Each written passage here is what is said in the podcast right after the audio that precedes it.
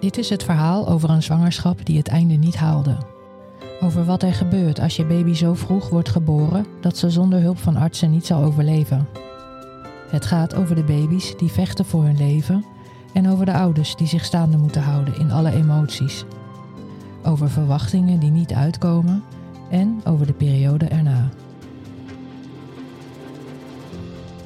Podcast Prematuur gaat over de helden van het eerste uur.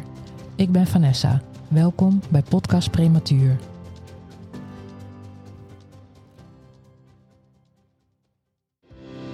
Ik, ik denk toch 7,5% van de vrouwen wat te vroeg bevalt. Ehm, ja, dat, dat is toch een behoorlijk aantal.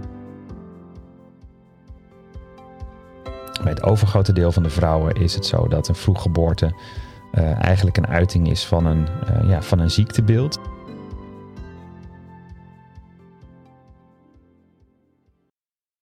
Vandaag spreek ik Martijn Oudijk, werkzaam als gynaecoloog-perinatoloog in het Amsterdam UMC. Hij begeleidt dagelijks zwangere vrouwen met een medische indicatie met betrekking tot hun zwangerschap, zogenaamde high-risk pregnancy. Martijn, welke vrouwen staan zoal onder jouw controle? Uh, ja, we zien eigenlijk hier in de Amsterdam UMC uh, heel veel vrouwen die een, die een verhoogd risico hebben om te vroeg te bevallen. En dat zijn voornamelijk eigenlijk vrouwen die in een eerdere zwangerschap te vroeg zijn bevallen. Die zijn bij ons onder controle. En bijvoorbeeld vrouwen die zwanger zijn van een meerling, dus een tweeling of een drieling zwangerschap, die, die staan ook hier onder controle. Zijn dat ook vrouwen die ervaring hebben eerder met preeclampsie, help? Ja, ook die vrouwen hebben een uh, ja, wat hogere kans op het opnieuw krijgen van uh, zwangerschapsvergiftiging, dus preeclampsie uh, of helpsyndroom en daarbij eventueel een vroeggeboorte. Mm. of bijvoorbeeld vrouwen die ooit eerder zwanger zijn geweest van een kind wat niet goed groeide, dus een groeivertraging. ook die vrouwen die, die staan vaak onder controle van, van onze poli. Mm. Ja. Mm, en wat zou je zeggen, welke factoren kunnen leiden tot een vroeggeboorte? Welke factoren? Dat is een beetje lastig, want je kunt het hebben over uh, zeg maar algemene risicofactoren. Mm Dus uh, factoren die eigenlijk uh, ja, losstaan van de zwangerschap. Daarbij moet je bijvoorbeeld denken aan als een vrouw rookt in de zwangerschap. Dat is een hele belangrijke risicofactor voor vroeggeboorte. Dat verhoogt de kans dat je te vroeg bevalt ongeveer met een factor 3. En um, het gemiddelde percentage in Nederland dat je te vroeg bevalt, schommelt in Nederland zo'n beetje tussen de 7 en 7,5 procent. Mm -hmm. En dat is, uh, dat is dus gerekend vanaf uh, ja, onder de 37 weken, dat noemen we te vroeg. Mm -hmm. Dus als je dat drie keer verhoogt en als je dus rookt in een zwangerschap, ja, dan heb je een kans van ruim 20 procent dat je te vroeg Zo. bevalt. Um, maar bijvoorbeeld ook um, ondergewicht uh, speelt daar een rol bij. Uh, maar bijvoorbeeld ook obesitas. Dus juist als je te zwaar bent of juist heel erg te licht bent. Mm. Dat zijn risicofactoren voor vroeggeboorte. Um, bijvoorbeeld als je in de uh, familie, in de vrouwelijke lijn voornamelijk een vroeggeboorte hebt meegemaakt. Dus je moeder, een oma of een zus. Dat zijn ook factoren die, die mee kunnen spelen. Dus dat, ja, dat zijn eigenlijk de algemene risicofactoren. Dan heb je er nog een paar. Uh, maar de belangrijkste risicofactoren zijn eigenlijk degene die ik net noemde. Dus uh, ja, als je ooit eerder zelf te vroeg bent bevallen. Dus als je in een eerste zwangerschap bijvoorbeeld uh, een vroeggeboorte hebt meegemaakt. En om een beter beeld te krijgen, wat kan je zeggen over aantallen vroeggeboortes en percentages? Ja, nou wat ik net zei, hè, dus ongeveer 7, 7,5 procent van alle vrouwen in Nederland bevalt voor de 37 weken. Mm. En dat kun je eigenlijk grofweg opsplitsen in uh, ongeveer een derde. Dus laten we zeggen 2,5% van die 7,5% uh, bevalt te vroeg omdat er een medische reden is voor de vroeggeboorte. En dan heb je dus voornamelijk over wat je net noemde, een zwangerschapsvergiftiging of een, um, een kind wat een groeivertraging heeft. Waarvan we dus eigenlijk zeggen, ja, het is eigenlijk belangrijk juist om nu geboren te worden, om de moeder in goede conditie te houden of de baby nog in goede conditie geboren te laten worden. Dat noemen we de, zeg maar de iatrogene vroeggeboorte. Dus de, de vroeggeboortes die wij als dokters eigenlijk uh, uh, ja, um, veroorzaken. veroorzaken. Ja, zo moet je het eigenlijk maar noemen. Maar wel veroorzaken met een, mm -hmm. ja, met een goede achterliggende gedachte natuurlijk. En dan heb je uh, de resterende 5%. Dus dat is ongeveer twee derde van, van die 7,5%. Uh, dat zijn vrouwen die, uh, die spontaan te vroeg bevallen. Mm. En, en dat is eigenlijk iets waar ik me met name op focus in de kliniek. En dat zijn dus vrouwen die binnenkomen met um, gebroken vliezen mm. uh, voor de 37 weken. Die binnenkomen met, met premature weeën. Dus, dus weeën die te vroeg optreden. En, en, en dan om die reden als het ware te vroeg lijken te gaan bevallen. Mm. Ja. En dan even zo'n snelle rekensom. Want... Ja, 7,5 procent. Jij noemde nog aantallen. Dat is, nou pak een beetje, zeg maar, ruim 12.000 uh, vrouwen um, uh, per jaar in Nederland. Of 12.000 kinderen moet ik eigenlijk zeggen. Mm. En het zijn ongeveer 12.000 kinderen dus voor de 37 weken. En daarvan ja, is ongeveer, laten we zeggen, 2500 uh, voor de 32 weken. Dus extreem te vroeg. 2500. Ja. Dat is wel een klein gedeelte. Een klein gedeelte, maar ja, je moet je wel voorstellen dat uh, ja, dat zijn vrouwen die waarvan de baby op een hele vroege termijn wordt geboren. En als je onder de 32 weken bevalt, dan hebben we in Nederland afgesproken, dan, hè, dan moet je bevallen in een centrum met een intensive care voor pasgeboren kinderen, in uh, NICU. Hmm. Uh, dus dat is eigenlijk alleen in de perinatologische centra. Um, en dat zijn ja, vrouwen die, die dan wekenlang, soms maandenlang, uh, in het ziekenhuis zijn om, omdat hun kind op de intensive care ligt. Hmm. Ja. In een vorige aflevering sprak ik met Jasper Been uit het Erasmus MC over geconstateerde dalingen van het aantal vroeggeboortes kort na starten van de lockdown in verband met corona. Ja. Het ziekenhuis heeft hier met een groep van onderzoekers en artsen onderzoek naar gedaan. En dit gebeurde op grond van de hielprik screeninggegevens over de afgelopen tien jaar. Zij zagen een daling van tussen de 15 en 23 procent van het aantal vroeggeboortes. Ja.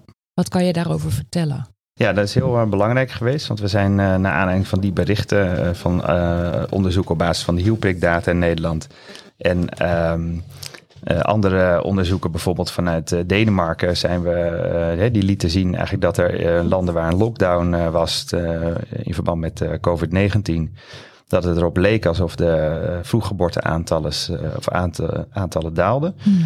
En uh, wij wilden graag weten uh, ja, waar dat dan precies in zat. Hè. Dus als ik net vertelde, is dat je twee typen vroeggeboortes hebt. Dus de spontane en de iatrogene. Um, hè, die dus voor ons, ons worden veroorzaakt. En mm. um, uh, dat is heel erg belangrijk, want dan kun je eventueel, heb je daar weer een aangrijpingspunt in. Van zijn er nou delen van die lockdown maatregelen die misschien heel erg een positief effect hebben op een zwangerschap. Wat we tot nu toe eigenlijk misschien niet goed hebben onderkend. En je wil natuurlijk niet alleen maar kijken naar het aantal vroeggeboortes, maar ook kijken naar ja, hoe komen die kinderen dan uiteindelijk, hè, hoe zijn de kinderen in, uh, goed in conditie geboren en hoe doen ze het na de geboorte. En, en uh, daar zijn we druk mee bezig om die cijfers te verzamelen. Dus die mm-hmm. hebben we waarschijnlijk halverwege of eind dit jaar.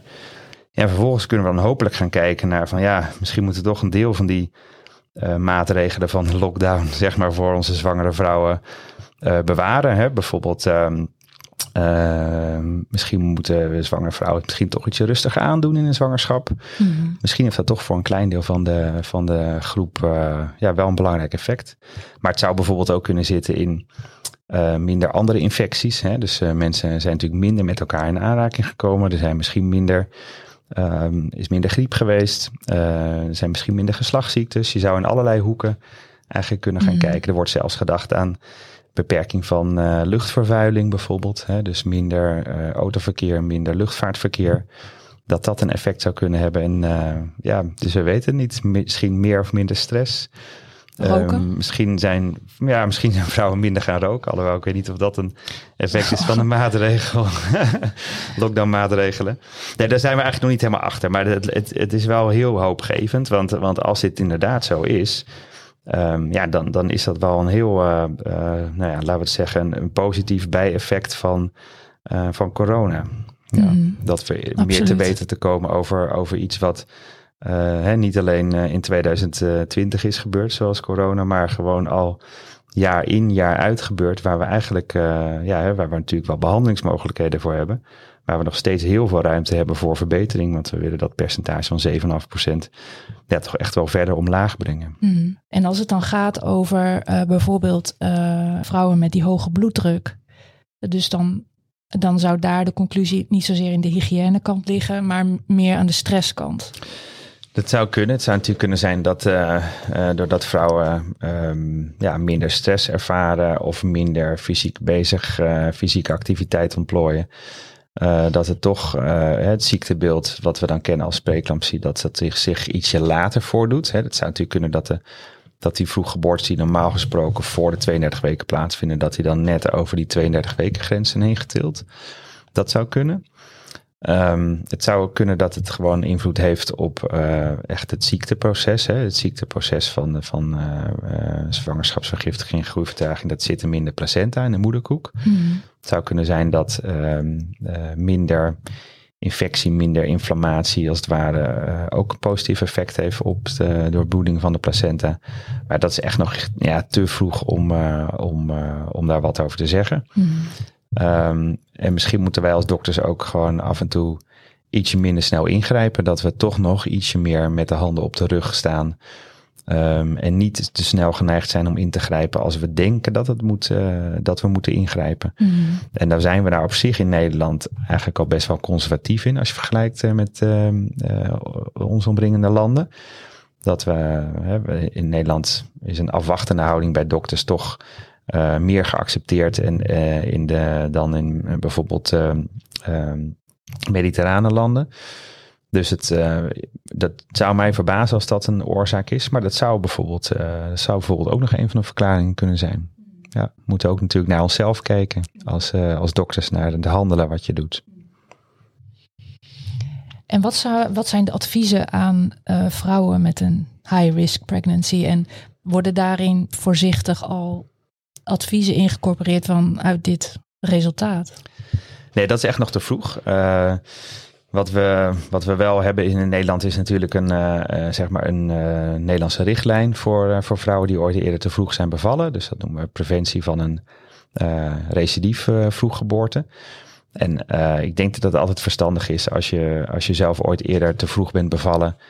Um, en dat je na één of twee jaar, als alles een beetje is neergedaald en je in wat rustiger vaarwater terecht bent gekomen, dat je dan op dat moment voordat je zwanger wordt, een keertje een, eh, een, eh, een afspraak maakt met de gynaecoloog die daar uh, verstand van heeft. Dus met aandachtsgebied voor, uh, voor vroeggeboorte. Dat noemen we een preconceptioneel consult. Mm -hmm. Dus voorafgaand aan de zwangerschap. En dan bespreken we nog een keertje wat er precies is gebeurd. Hè, of we toch kunnen denken van nou, de, de oorzaak ligt waarschijnlijk op dat en dat uh, gebied. En dat we dan op dat moment een, een plan maken, eigenlijk van tevoren. Van hoe kunnen we nou het beste ervoor zorgen dat de kans dat je opnieuw een vroeggeboorte doormaakt zo klein mogelijk is. Hmm. En uh, ja, dat is over het algemeen is dat redelijk hetzelfde pakket. Stel dat je ooit eerder bent bevallen spontaan, hè, dus met gebroken vlies of met weeën, hmm. dan lijkt dat pakket heel erg op elkaar. En um, wat ook heel erg belangrijk is, en dat kunnen we denk ik niet um, nou, vaak genoeg benadrukken, is dat um, als je ervoor zorgt dat je uh, zwanger wordt in zo goed mogelijke conditie. Hè, dus dat je je leefstijl eigenlijk zo goed mogelijk aanpast voorafgaand aan de zwangerschap. En dan heb ik dus nou, natuurlijk over roken. Dat is natuurlijk echt, uh, wat ik net noemde, een, hele belangrijke risicofactor. Je moet echt gestopt zijn met roken voordat je zwanger bent. Mm -hmm. uh, maar denk bijvoorbeeld ook aan uh, lichaamsbeweging. het is aangetoond dat als je meerdere malen per week, hè, dus pak een beetje drie, vier keer per week, ongeveer een uur sport op een matige intensiteit. Dus dan heb ik het over hardlopen, joggen, eh, fietsen, zwemmen, een beetje cardio fitness bijvoorbeeld. Uh, dat dat ook leidt tot bijvoorbeeld een, uh, een wat lagere herhalingskans op vroeggeboorte. En dan heb je het ook over gezond dieet. Hè? Dus eet, eet, eet, eet gewoon gezond. Dat zijn gewoon de normale gezondheidsadviezen. Hmm. Um, waar bijvoorbeeld ook uh, inname van vette vis bij hoort. als je dat niet lekker vindt, kun je altijd nog uh, visoliecapsules voor omega-3 capsules gebruiken. Hmm. dus als je daar heel erg bewust mee bezig bent. En ik ben er echt van overtuigd dat, uh, dat, dat, dat daar echt nog een hele belangrijke taak ligt. Niet alleen voor ons als gynaecoloog en verloskundige maar als we de vrouwen, jonge vrouwen kunnen bereiken, ook voorafgaand aan de eerste zwangerschap. En ze op het hart kunnen drukken dat het super belangrijk is om, om zo gezond mogelijk die zwangerschap in te gaan. Mm. Uh, dat dat echt leidt tot een, uh, tot een daling van het aantal uh, complicaties in de zwangerschap. En je hebt niet alleen over vroeggeboorte, maar ook bijvoorbeeld over um, minder kans op hoge bloeddruk, minder kans op suikerziekte in de zwangerschap. Um, hè, dat zijn allemaal dingen ja, misschien heeft de overheid dat ook wel een belangrijke rol in. Misschien moeten we een keer beginnen met het opzetten van een campagne uh, voorafgaand aan een zwangerschap. Dus hoe verbeter ik mijn gezondheid zo goed mogelijk, mhm. zodat ik de kans op een probleem in de zwangerschap, een complicatie in de zwangerschap voor mijzelf en voor mijn kind zo klein mogelijk maak. Dat, mm dat zou denk ik al heel erg mooi zijn. Mhm. En om even terug te komen op de vrouwen die, die echt een verhoogde kans hebben, dus die, die te vroeg zijn bevallen. Ja, daar hebben we eigenlijk vaak een, een heel plan voor in een volgende zwangerschap, waarbij we dan um, ja, medicijnen geven. En de medicijnen bestaat dan uit een uh, bepaald hormoon, progesteron. Mm. Progesteron is een, een extreem belangrijk hormoon uh, voor de instandhouding van een zwangerschap. Zonder progesteron verlies je eigenlijk altijd de zwangerschap. Um, dus bij vrouwen die ooit eerder te vroeg zijn bevallen, geven we vaak uh, vanaf een vroege termijn, ongeveer 16 weken, en dan de hele zwangerschap door tot 36 weken. In meestal via vaginale capsules geven dan extra toediening van dat hormoon. En dat vermindert de kans op zo'n herhaling van een vroeggeboorte met ongeveer de helft, dus 50 procent. Dus een enorme winst. Mhm. Ehm, en daarnaast kijken we dan ook vaak naar uh, herhaalde metingen van, uh, van de baarmoederhalslengte. Mm als de baarmoedermond of de baarmoederhals te kort is, dan, ehm, ja, dan is de kans op zo'n herhaling van een vroeggeboorte weer verhoogd. En dan kan het zijn dat we een bepaalde verstevigende behandeling uh, voor die baarmoedermond uitvoeren. En dan moet je dan denken aan een cerclage. En een cerclage is een, is een, is een uh, operatieve behandeling waarbij we een onoplosbare hechting, als het ware, in de baarmoedermond uh, hechten. Om, om die te verstevigen, zodat de, zodat de baarmoeder eigenlijk met de toenemende druk, de baarmoedermond niet bezwijkt onder die toenemende druk, in de mhm. baarmoeder als je, als je opnieuw zwanger bent. Mm Ja. En helpt progesteron ook bij het uh, voorkomen van vroegtijdig breken van de vliezen? Of heeft het meer te maken met de weeën? Uh, we denken dat het eerlijk gezegd meer te maken heeft met uh, preventie van contracties. Maar mogelijk dat het ook zijn werking heeft op stevigheid van het weefsel van baarmoedermond. En ook van de, ja, van de cervixplug, zeg maar. Het slijmvlies verslijmen eigenlijk in de, in de baarmoederhals. En dat kan ook nog dus wel bijvoorbeeld um, uh, preventief zijn ten aanzien van infecties die, uh, die vanuit de vagina uh, opstijgen naar de baarmoeder. En als je een infectie krijgt in de baarmoeder, dan, ja, dan zie je eigenlijk heel vaak dat er op een gegeven moment de vliezen breken bijvoorbeeld. Of dat mhm. toch de contracties, de weeën op gang komen. Dus um, ook als je eerder bent bevallen met uh, gebroken vliezen als eerste symptoom, zeg maar. Mhm. zou het kunnen helpen? Ja, dan is een ook progesteron in dat geval zeker aangewezen. Ja, mhm. de, de onderzoeken die daarover zijn gedaan, die uh, zijn dus met name bij spontane vroeggeboorte, dus zowel bij weeën als bij gebroken vliezen, zeg maar, onderzocht. Dus voor die beide indicaties uh, geven we het eigenlijk. Mm -hmm. ja. En hoeveel procent van de te vroeg bevallen moeders was voorafgaand aan de zwangerschap bekend met het risico op een vroeggeboorte? Dat zij zelf op de hoogte waren van, uh, van het risico. Of dat ze een, een verhoogd risico hadden. Ik denk ja. heel erg weinig. Uh, um, ik denk over het algemeen Um, ja, dus misschien ook wel goed. Hè? Heel veel vrouwen gaan natuurlijk gewoon uh, onbevangen uh, een zwangerschap mm -hmm. in. En, en, en voor gelukkig uh, het grootste gedeelte van de, van de jonge vrouw die zwanger wordt, zal het ook gewoon een, een goede zwangerschap zijn en zonder, zonder problemen. Maar ja, ik, ik denk toch 7,5% van de vrouwen wat te vroeg bevalt. Um, ja, dat, dat is toch een behoorlijk aantal. En um, als we door middel van voorlichting bijvoorbeeld bij jonge vrouwen uh, meer bewustwording kunnen creëren door, uh, ja, doordat een zwangerschap niet altijd goed gaat en soms gewoon uh, eindigt in een bevalling die te vroeg op gang komt. Um, ja, dat het heel belangrijk is als we die jonge vrouwen daarvan kunnen, dat, dat we die kunnen voorlichten, dat ze bewust worden van het risico. En met name natuurlijk als je iets kunt doen om dat risico te verminderen. Hè? Dus mm -hmm. waar ik mhm. net over had, gezonde leefstijl bijvoorbeeld. Mm -hmm. Dus ik, ik denk dat heel veel vrouwen dat niet weten. De, de enige vrouwen die, die het wel, uh, die het zeker van bewust zijn, zijn natuurlijk de vrouwen die zelf eerder een vroeggeboorte hebben meegemaakt. Uh, de vrouwen die bij ons onder controle zijn voor een meerlingzwangerschap, dus tweeling of een drieling, die, die krijgen natuurlijk uitgebreid verteld uh, dat dit een van de risico's is die ze, die ze kunnen meemaken. Um, en iets wat, ja, wat heel erg in de belangstelling staat, en dat, zijn, uh, uh, dat is dat je bij de 20 weken echo kun je uh, niet alleen een buikecho krijgen, zodat je kunt kijken naar de gezondheid van de baby. Maar dat je ook een inwendige meting kunt doen bij de 20 weken echo. Waarbij je kunt kijken naar de lengte van de baarmoedermond. En als die aan de korte kant is, um, ja, dan is dat ook een extra risicofactor die je, die je kunt zien. Uh, dus zeker bij de vrouwen die voor het eerst zwanger zijn, die onbevangen zwanger zijn en, en op zich gezond leven. Is dit iets wat je kunt doen om te kijken of ze, um, ja, of ze toch in een hoge risicogroep vallen? En dat heeft natuurlijk alleen zin als je er ook nog wat aan kunt doen. Want anders is het alleen maar een meting waarbij je vrouwen extra ongerust maakt. Um, maar uh, gelukkig hebben we daar um, een uh, goede therapie voor. Want ook voor die vrouwen is de toediening van het hormoon progesteron uh, bewezen effectief in het weer verminderen van het risico wat ze dan hebben. Dus als je bij die baarmoedermondlengtemeting meet, bij de 20 weken echo en hij is te kort, um, dan kun je progesteron toedienen. En uh, dan daalt daarmee weer het risico, of het hogere risico, met ongeveer de helft. Je krijgt het nooit helemaal terug naar, zeg maar, de uh, algehele Nederlandse bevolking. Maar je kan het wel weer laten dalen van als je niks had gedaan. Mm. En er lopen ook heel veel onderzoeken naar uh, andere behandelingen. Bijvoorbeeld de plaatsing van een soort kunststofring om de te korte baarmoedermond heen, het persarium. Um, dus ja, ik, ik ben natuurlijk ook echt een voorstander van het verrichten van meer wetenschappelijk onderzoek. Ik werk natuurlijk in, een, uh, in het Amsterdam UMC, waar we veel onderzoek doen ook naar vroeggeboorte. Mm. Dus uh, ja, en ik denk ook dat dat de enige manier is om, om verder te komen en ook de zorg voor deze vrouwen verder te verbeteren. Dus um, daar is heel veel ruimte voor verbetering. Dus ik hoop heel erg dat we in de, in de komende jaren, de komende vijf à tien jaar, grote slagen kunnen maken in het uh, verminderen van het aantal vrouwen wat te vroeg bevalt. Mm. En daarmee alle, ja, alle, alles wat daarmee gepaard gaat. Want het is een enorm lang traject. Met heel veel angst, met heel veel verdriet. En uh, volgens mij is daar een hele belangrijke taak uh, voor ons weggelegd. Mm.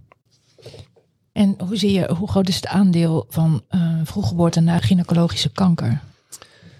Uh, ja, dat is een hele goede vraag. Um, uh, gelukkig is het, uh, het aantal vrouwen wat um, een kwaadaardigheid van, van, de, van de geslachtsorgaan, dus van de, van de baarmoeder, de baarmoedermond of eierstokken doormaakt op een jonge leeftijd, hè, op een jonge vruchtbare leeftijd, gelukkig beperkt. Een van de kwaadaardigheden die we helaas wel vaker zien bij jonge vrouwen is natuurlijk baarmoederhalskanker. Waar we voor in Nederland natuurlijk het, uh, het screeningsprogramma met uitstrijkjes uh, uh, hebben opgezet. Um, en um, ja, als je dat ooit hebt meegemaakt, dan, dan weet je wat er gebeurt. Hè. Dus er zijn uitstrijkjes worden gedaan vanaf 30-jarige leeftijd. Als daar in een, ja, een afwijking wordt gezien die zich op termijn kan ontwikkelen tot kwaadaardigheid, dan kan het zijn dat je daaraan moet worden behandeld. En de behandeling is dan meestal dat je een ja, een soort kleine operatieve ingreep hebt waarbij er een klein reepje weefsel uh, wordt afgenomen. En als de afwijking groter is, dan wordt natuurlijk ook het reepje weefsel wat je afneemt van de baarmoederhals groter. Um, en soms uh, kan ook een, een kwaadaardigheid, dus kanker in een, in een relatief vroeg stadium, uh, ook nog worden geopereerd met behoud van de baarmoeder. Dus met bijvoorbeeld een conisatie heet dat, of een trachelectomie, waarbij je dan de hele baarmoedermond weghaalt. Ja, en dat zijn eigenlijk alle drie ingrepen die gepaard gaan met een, met een uh, hogere kans op vroeggeboorte. En des te groter de ingreep natuurlijk, des te groter de kans.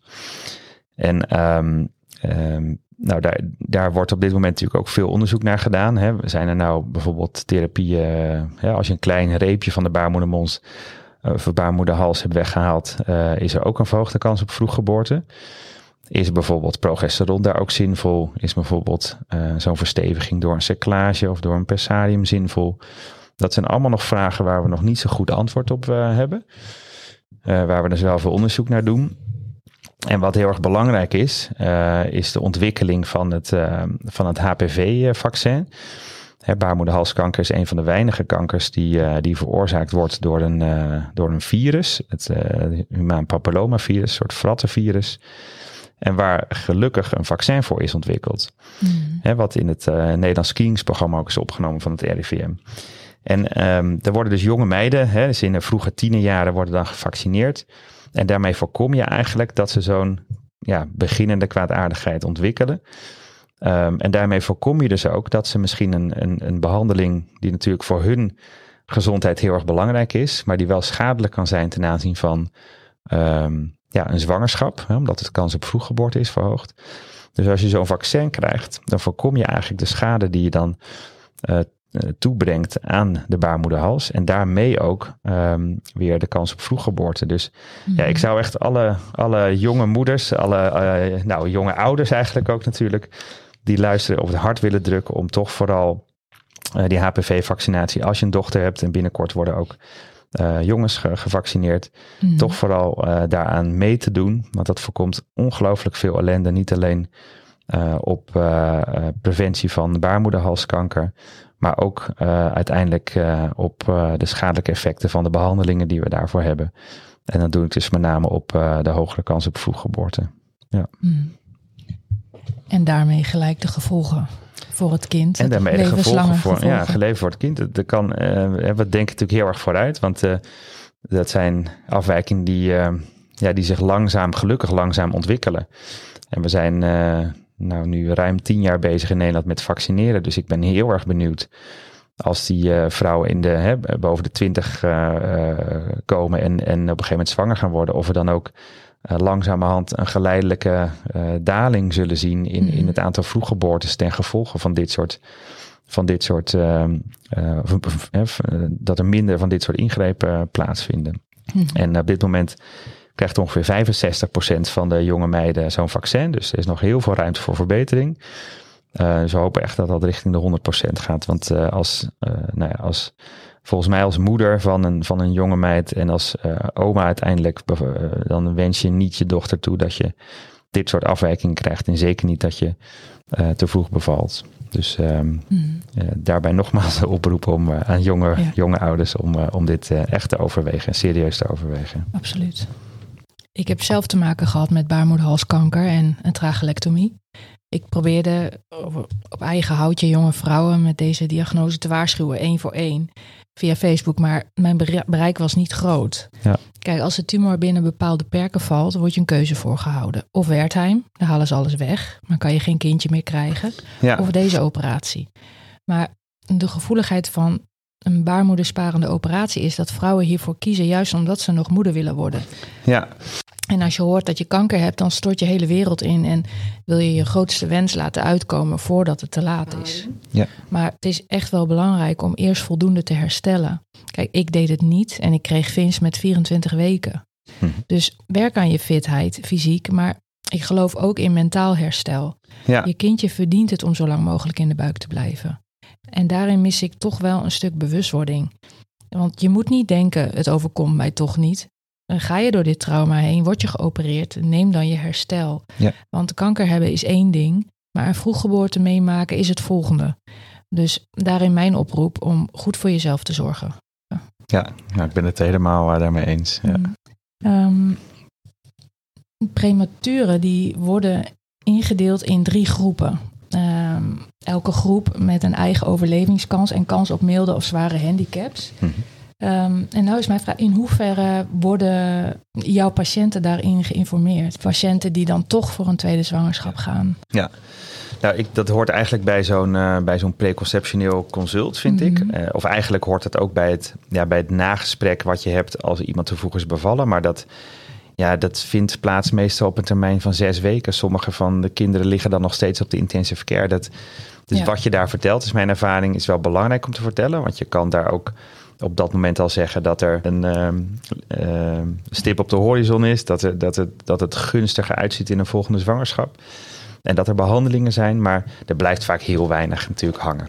Mm -hmm. Omdat ze bezig zijn met, met overleven en ze zijn bezig met het over, overleven van hun kind mm -hmm. op de intensive care. Dus um, ja, dat hoort ook echt thuis bij zo'n preconceptioneel consult. Hè, als alles na één of twee jaar een beetje is in rustige vaarwater terecht is gekomen, hè, dan uh, maak dan vooral echt een afspraak. En dat wil niet zeggen dat je dan ook hoeft te kiezen voor het zwanger worden. Misschien besluit je na zo'n consult dat je zegt, ja, ik, ik vind het toch gewoon een te hoog risico. Mm. En na deze uh, informatie uh, zien we er vanaf. Dat kan ook. Um, maar ja, in zo'n consult hoort dan ook bijvoorbeeld het, het bespreken van, ja, hoe hoog is de kans dan op herhaling? En uh, dat hangt deels heel erg af van de termijn, hoe, vroeg, hoe vroeger je bent bevallen. dus als dat onder de onder de 24 weken is geweest, dan is dat een extreem hoog risico. En als dat onder de 28 weken is geweest, is dat risico weer hoger dan als je onder de 32 weken bent bevallen. Mhm. En ehm, ja, dat, dat heeft er heel erg mee te maken. Ehm, en op basis van die kansen, ja, ga je dan samen aan de slag van, nou, hè, wat is de behandeling? Ehm, zien we het zitten? Durven we het opnieuw aan? En eh, ja, een van de dingen is dus eh, het bespreken van, van, van, van, van de hoogte van de herhalingskans. Mhm. Ja, en soms is dat heel erg moeilijk om in te schatten. Ehm want het kan zijn dat er een hele typische eh, oorzaak is geweest van de vroeggeboorte. En dat je denkt, nou, die kans is eigenlijk helemaal niet zo heel erg groot op herhaling. Maar als je het niet weet, ja, dan moet je het toch doen met, met de algemene cijfers. En ehm, ja, dan kun je bijvoorbeeld zeggen dat de kans op vroeggeboorte onder de 37 weken 20% is. Wat ja, in, in, in medische termen is het dan 80% kans dat het helemaal goed gaat. Maar 20% herhalingskans, dat kan nog steeds gewoon eh, heel erg hoog lijken. En, en, en mensen doen besluiten misschien om het, eh, om het niet aan te durven. Mhm. Ja. Het is wel cru, want ehm, hoe vroeger je bent bevallen, hoe hoger de kans op herhaling. Ja. Ehm, maar ook daarbij het besef dat eh, die eerste keer had je, ik weet niet hoeveel procent op een, eh, een, een vroeggeboorte van 24, 25 weken. Maar als je die eerste keer al die ene procent aantikte, dan kan je je voorstellen hoe neem je dan een beslissing over een volgende zwangerschap. Want de eerste keer viel je in die ene procent, dus dan zeg, zeggen percentages je eigenlijk niet meer zoveel. Nee, dat, dat hoor je natuurlijk heel vaak in, in onze counseling. Dat ehm, eh, wat, iets wat ik vaak hoor is als ik zeg, nou, maar, hè, de kans is maar 15 of 20 procent. Dan zijn er vaak, soms is in, in iemands leven al vaker iets voorgevallen. Hè? Dus stel dat je, nou, waar we het net over hadden, stel dat je op jonge leeftijd baarmoederhalskanker krijgt. Die kans is procentueel natuurlijk klein. En dan vervolgens heb je ook nog eens een keer een extreme vroeggeboorte. En die twee zijn natuurlijk wel met elkaar gelinkt. Maar ja, dat zijn twee dingen die je dan, hè, die heel zeldzaam zijn, die je dan wel allebei in één persoon meemaakt. En dat ja, beïnvloedt natuurlijk enorm de kans op uh, uh, hoe mensen daarmee omgaan. Mm. Um, en dat maakt het ook wel lastig als je dus mensen vragen van ja, hoe groot is nou de kans? En uh, soms hebben ze dan een tweede zwangerschap die wel redelijk goed is gegaan. En dan komen ze bij mij voor een derde keer. En dan zeg ik ja, het verhoogde risico blijft er wel. Ik kan niet garanderen dat het een derde zwangerschap dan weer zo goed zou gaan als de tweede. Mhm. En dat, ja, dat is soms heel erg lastig om te accepteren. Maar um, het is zeker niet zo dat wij als dokters uh, uh, altijd uh, zeker niet alles weten. En, en, en zeker ook niet heel precies weten. Maar dat maakt het toch gewoon heel erg lastig. Mhm. Ja. Uh, wat, kun, wat kan je zeggen over medicatietoediening aan zwangere vrouwen uh, ter voorkoming van uh, ja, het meemaken van die vroeggeboorte? Je hebt het over gehad over progesteron, maar uh, ik hoor ook veel over longrijpers, uh, weeënremmers, in geval van zwangerschapsvergiftiging, magnesium. Um, ik hoor aspirine. Ja. Uh, en we hebben natuurlijk allemaal um, ja, het medicijn DES in ons achterhoofd. Um, dus um, wat zijn de risico's op de lange termijn? Is daar iets over te zeggen?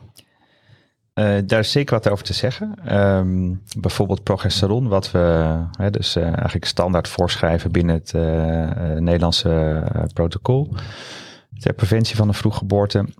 Daar weten we gelukkig inmiddels al heel wat van af. Um, het wordt eigenlijk al sinds de jaren zeventig gebruikt in het kader van um, ondersteuning van IVF-behandelingen.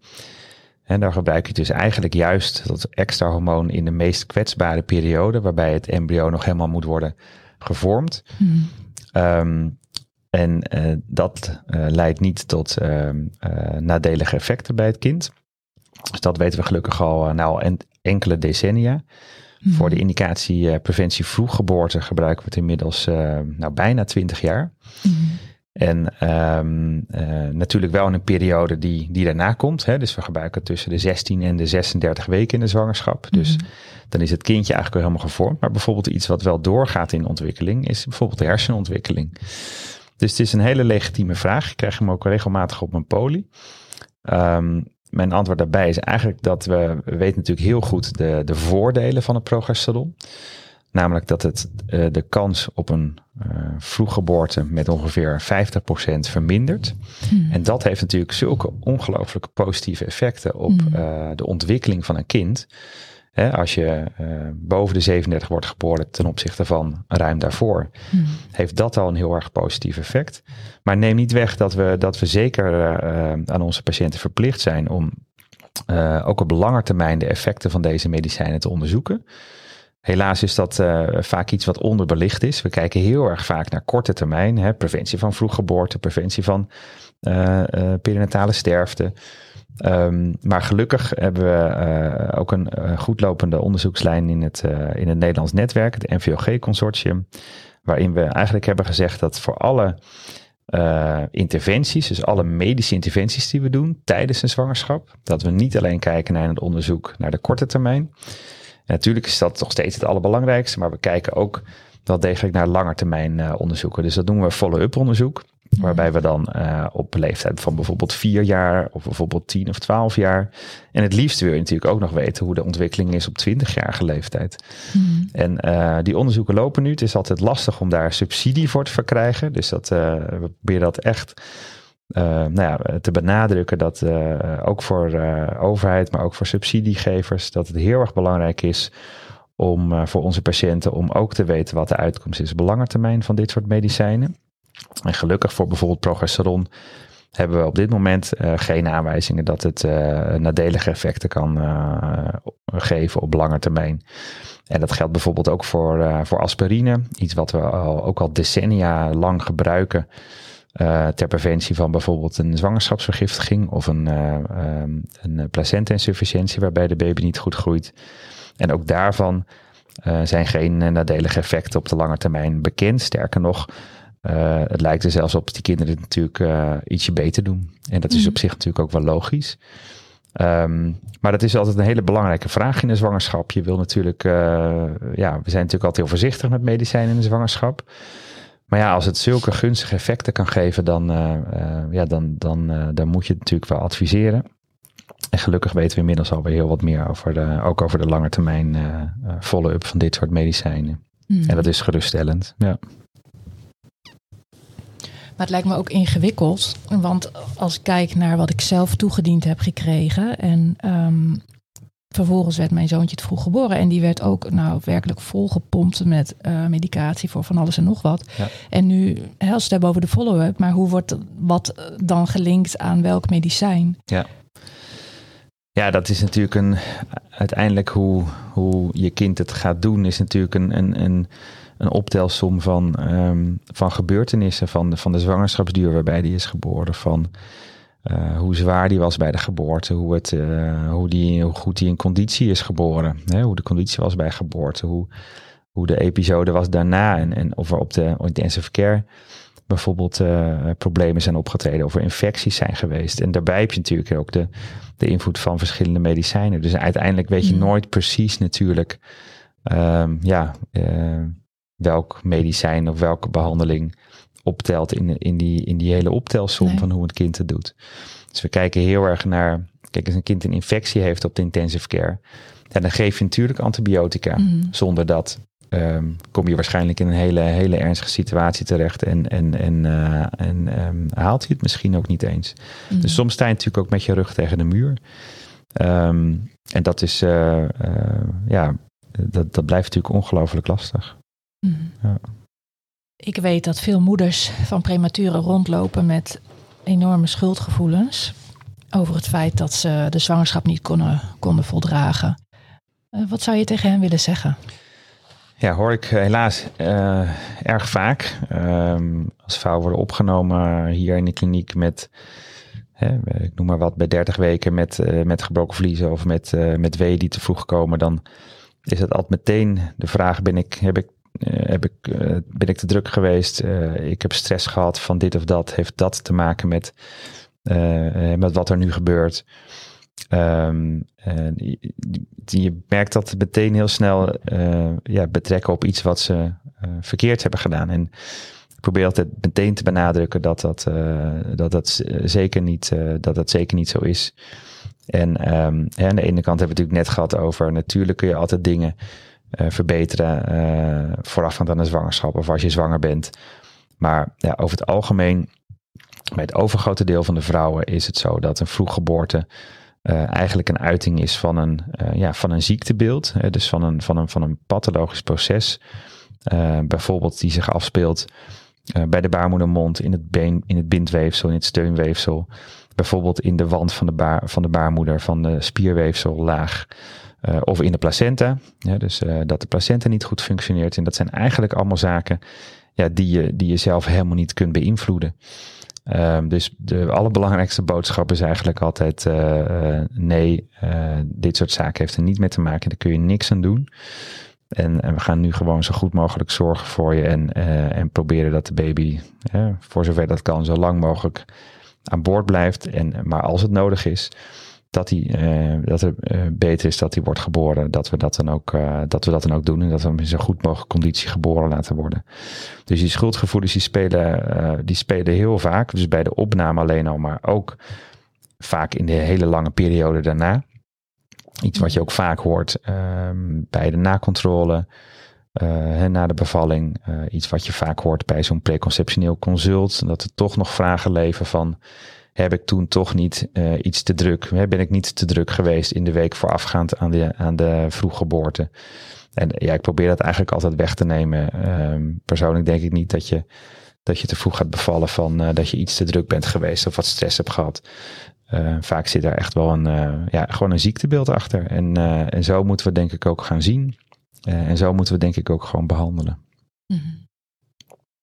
En tot slot, wat zou je vrouwen met een medische indicatie en ouders van prematuren willen meegeven? Um, nou, ik denk dat het heel erg belangrijk is dat, um, um, dat je uh, ermee leert omgaan. Dat je, uh, en daar hoort deels ook bij, dat je weet, uh, dat je vraagt aan de dokter van nou, wat is er nou precies gebeurd? Wat denk je dat er aan de hand is? Zodat je ermee kan om leren gaan, ja, wat er is gebeurd. Ik denk dat het heel belangrijk is dat je ook met je behandelende arts uh, of iemand anders die daarop gespecialiseerd is, dat je een gesprek aangaat van goh, wat zijn nou de kansen op herhaling? Uh, wat is eventueel de, uh, de behandeling? is er een behandeling als ik, als ik opnieuw zwanger ben?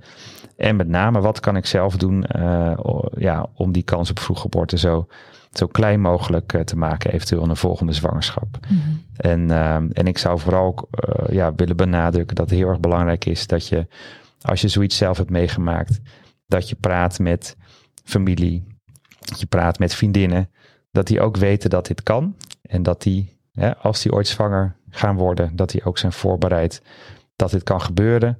Uh, en dat we ja, uh, hopelijk hun kunnen uh, laten bewust worden van het feit dat zoiets kan. En misschien dat we hun dan kunnen helpen met het verminderen van het, van het risico ook. Dat mm. is denk ik onze belangrijkste taak. Ja, ja. ja. Ik was blij met dit gesprek. Net als met het gesprek met Jasper Been uit aflevering 4. Het herinnerde me aan het bestaan van een wereld waar ik zelf niet in zit een wereld van onderzoek door artsen en onderzoekers, door mensen met ambitie en de drang om te evolueren, beter te maken, grijze gebieden witter te maken en die zich daar vol voor inzetten. Het COVID-virus heeft helaas veel mensen verdrietig gemaakt.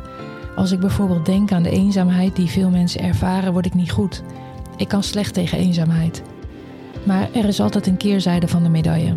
En gelukkig zie ik die in dit geweldige resultaat van de daling van het aantal vroeggeboortes tijdens deze crisis. Ik weet dat we de definitieve resultaten moeten afwachten. Maar elke betrokken arts-onderzoeker voelt toch dat zijn hart een sprongetje maakt. Dat weet ik zeker. Als je nu zwanger bent, kan ik me voorstellen dat je er nog bewuster mee omgaat. De leefregels vanuit de coronacrisis doorvoeren tijdens je zwangerschap kan geen kwaad. En zoals we hoorden, kan het een eventuele vroeggeboorte uitstellen of zelfs voorkomen. Genoeg bewegen, gezond eten, vaak je handen wassen, rustig aandoen en je net zo bewust zijn van hygiëne en infectiegevaar als tijdens corona. Baat het niet, dan schaadt het niet. Hetzelfde geldt voor het HPV-vaccin voor jonge meiden en binnenkort jonge jongens. Een vaccin om te voorkomen dat je baarmoederhalskanker krijgt of verspreidt via het virus, dat leed aan jezelf en je kind kan voorkomen, ik teken ervoor. Elke dag die een baby in de buik extra krijgt onder een zwangerschapsduur van 37 weken, betekent een dag langer rijpen. Een dag langer op de plek waar je moet zijn. Een dag minder te vroeg dat de longen aan het werk moeten. Een dag minder blootstelling aan infusen, prikjes, echo's of foto's. Of de geluiden rond de couveuse. Het felle licht tijdens de verzorgingsmomenten. Misschien een infectie of operatie minder. Misschien wel het verschil tussen wel of niet aan de borst kunnen drinken. Een netvliesafwijking van de ogen oplopen en je leven lang een bril dragen, slechtziend zijn of zelfs blind worden. Later wel of geen moeite hebben met eten. Wel of niet gekweld worden door nachtmerries en angsten. Wel of geen moeite hebben mee te komen op school. Plus al die andere op de loer liggende gevaren. Podcast Prematuur over de helden van het eerste uur. Gemaakt door mij, mama van zo'n held.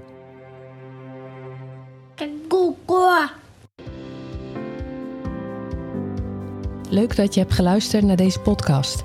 Ik weet niet of je zelf moeder of vader bent van een prematuur of op een andere manier betrokken bent, maar heb je iets aan deze aflevering gehad, iets geleerd, iets herkend en denk je dat anderen het ook waardevol zullen vinden?